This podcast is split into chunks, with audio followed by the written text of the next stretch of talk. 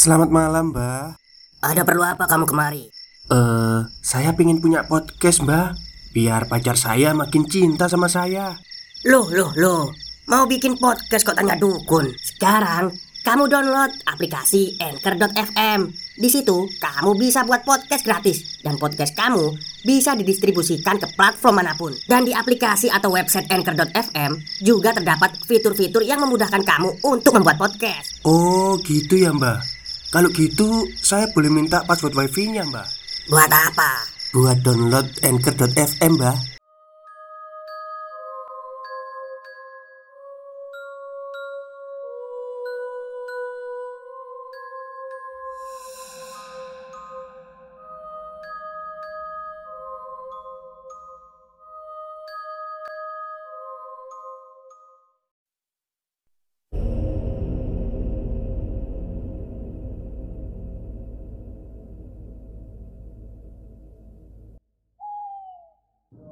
Assalamualaikum warahmatullahi wabarakatuh. Halo semuanya, jumpa lagi dengan saya Chow Sing Sing, kurator dari Podcast Horror Night Story.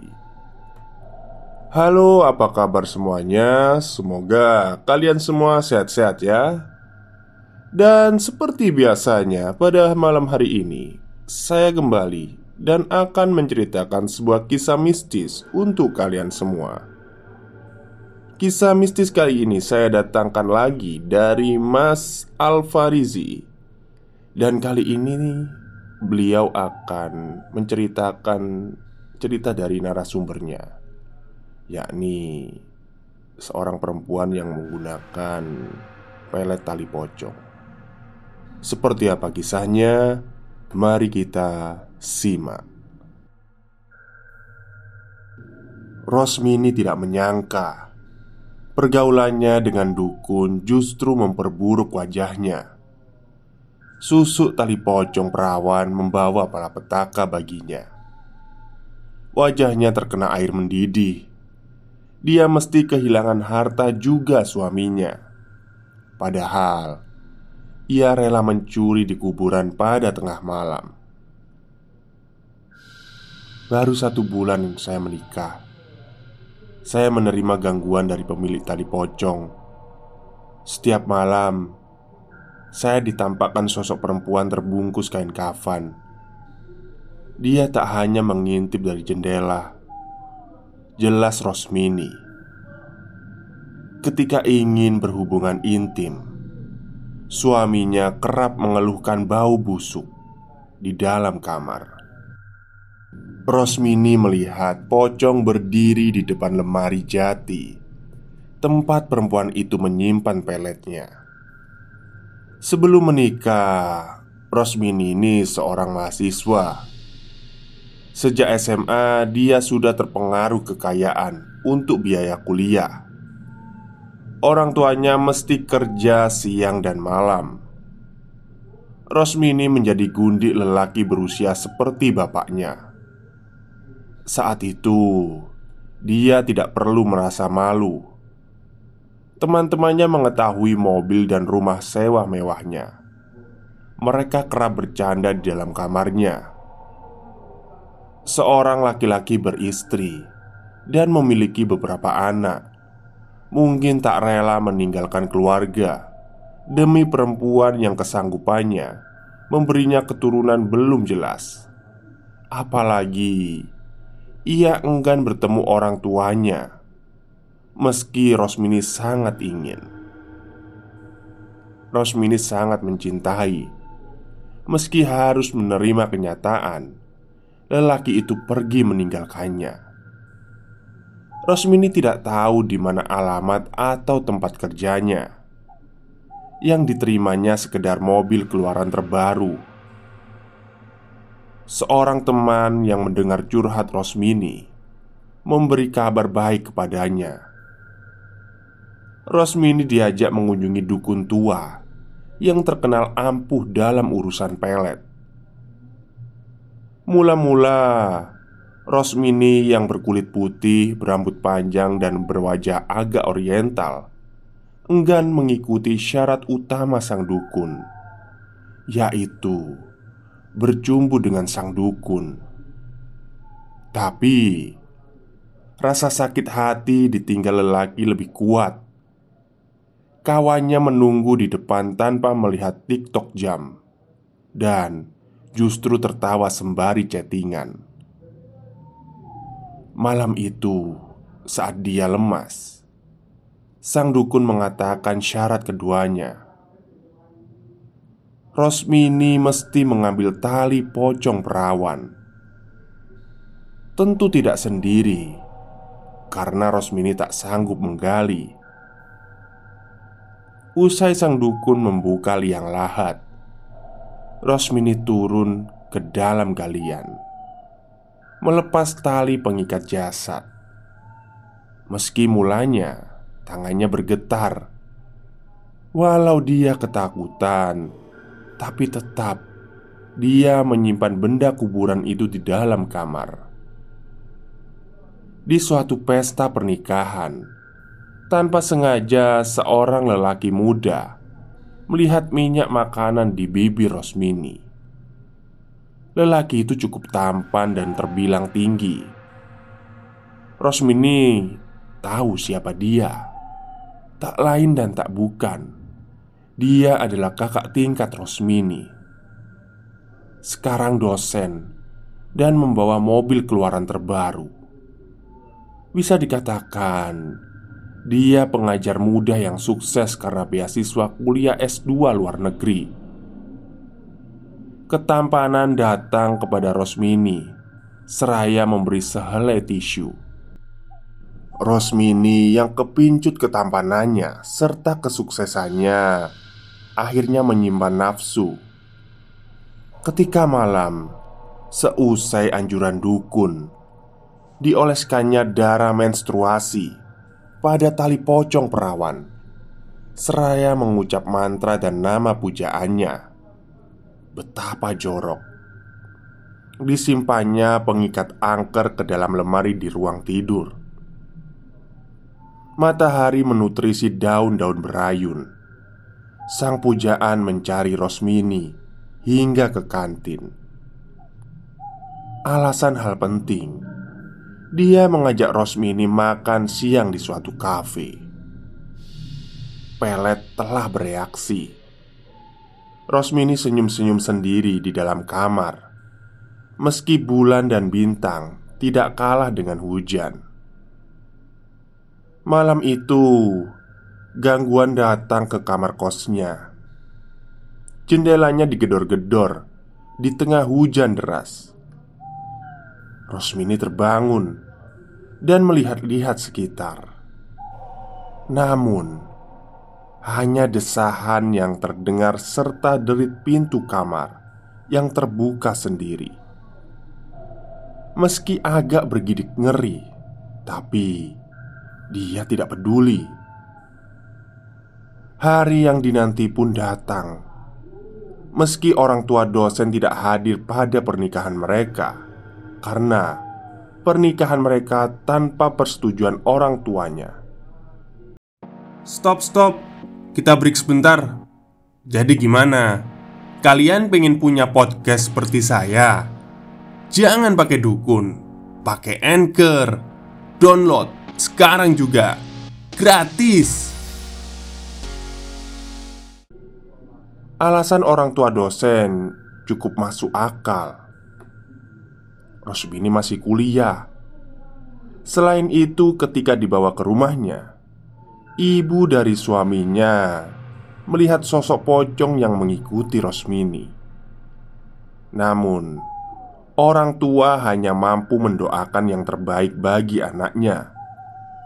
Tidak berguna melarang keinginan sang anak kalau perasaan dan pikirannya telah berpendirian di malam pertama, suaminya mengeluh bau bangkai. Padahal mereka tidak di kamar kos Resmini. Mereka menyewa villa Bangka Belitung. Dari jendela villa terlihat indah panoramanya. Tapi sejak hari pernikahan, mereka hanya satu kali berhubungan suami istri Rosmini mengadu kepada dukun yang telah menidurinya. Akhirnya, ditidurinya lagi tubuh perempuan yang baru menikah itu. Setelah itu, sang dukun memberi kabar buruk. Rosmini harus mencari darah segar bayi yang baru lahir. Walaupun begini, saya masih memiliki hati nurani. Mana mungkin saya membunuh bayi? Saya perempuan.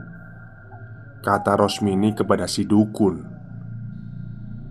Rosmini kaget Karena meja di hadapannya bergetar. Dukun mengatakan Sosok yang mengikuti Rosmini marah Merasa telah dibohongi Dan Rosmini segera meninggalkan dukun cabul itu Di dalam mobil Rosmini merasa tidak nyaman.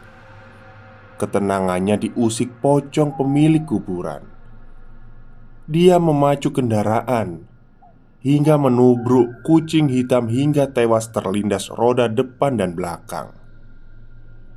Suara lolongan anjing menyambut Rosmini yang baru membuka pintu gerbang rumah baru. Saat membuka pintu, Suaminya langsung mencium dan memeluknya. Selalu begitu. Bau bangkai dan liur panggang mengisi ruang tamu. Rosmini yang sadar telah bercumbu dengan dukun langsung mencuci tubuhnya. Lampu kamar mandi pun mati dan hidup. Handuk langsung diambilnya untuk membalut seluruh tubuh. Tapi bau bangkai belum juga hilang, meski mereka telah menyemprotkan wewangian ke seluruh ruangan. Suami Rosmini menyadari ada yang tidak beres. Dia pergi meninggalkan Rosmini yang bergidik ngeri karena peringatan dukun. Dukun mengatakan suaminya akan pergi meninggalkannya jika tak segera memberikan darah bayi merah. Tidak ada pilihan. Rosmini menelpon teman yang merekomendasikan dukun cabul itu, tapi tidak tersambung meski ditelepon berulang. Ingin merefresh pikirannya, Rosmini ke belakang merebus air untuk menyeduh kopi. Malapetaka datang seiring lampu yang berkedip. Pocong menyeringai. Sosok gaib itu terbang lalu menghilang. Sekejap muncul di hadapan Rosmini. Rosmini yang mencoba berlari di dalam kegelapan justru menerima kejutan dia menabrak api menyala. Air rebusan beserta tempat memasak terlempar ke wajahnya. Warga pun bergegas memadamkan api dan membawa Rosmini ke rumah sakit. Wajahnya melepuh. Dia tak sanggup melakukan operasi. Suaminya yang malam itu mengadu kepada sang ibu perihal bau busuk kala ingin bercumbu mempercayai nasihat orang tuanya. Meski Rosmini terbaring lemah, suaminya menalaknya. Pada hari berikutnya, surat perceraian dikirim kepada Rosmini yang sedang bercermin lantaran menyesal karena diperbudak dukun cabul. Saya sempat ingin bunuh diri, tapi saya memiliki bayi. Entah dari si dukun cabul itu atau suami saya. Yang jelas saya menyayanginya. Mungkin wajah di muka saya belum menebus segala kesalahan. Tapi jika merawat bayi ini, kemungkinan ada bahagia di kemudian hari. Kata Rosmini meneteskan air matanya tamat. Oke, itulah cerita yang datang lagi dari Mas Alfarizi ya. Jadi ini tentang pelet yang metodenya menggunakan tali pocong perawan. Saya agak anu sih ya sama si dukun ini ya. Sebenarnya apakah benar metode itu membutuhkan bersetubuh dengan kliennya gitu? Apa memang si dukun ini memang lagi sange gitu ya? Nggak tahu juga.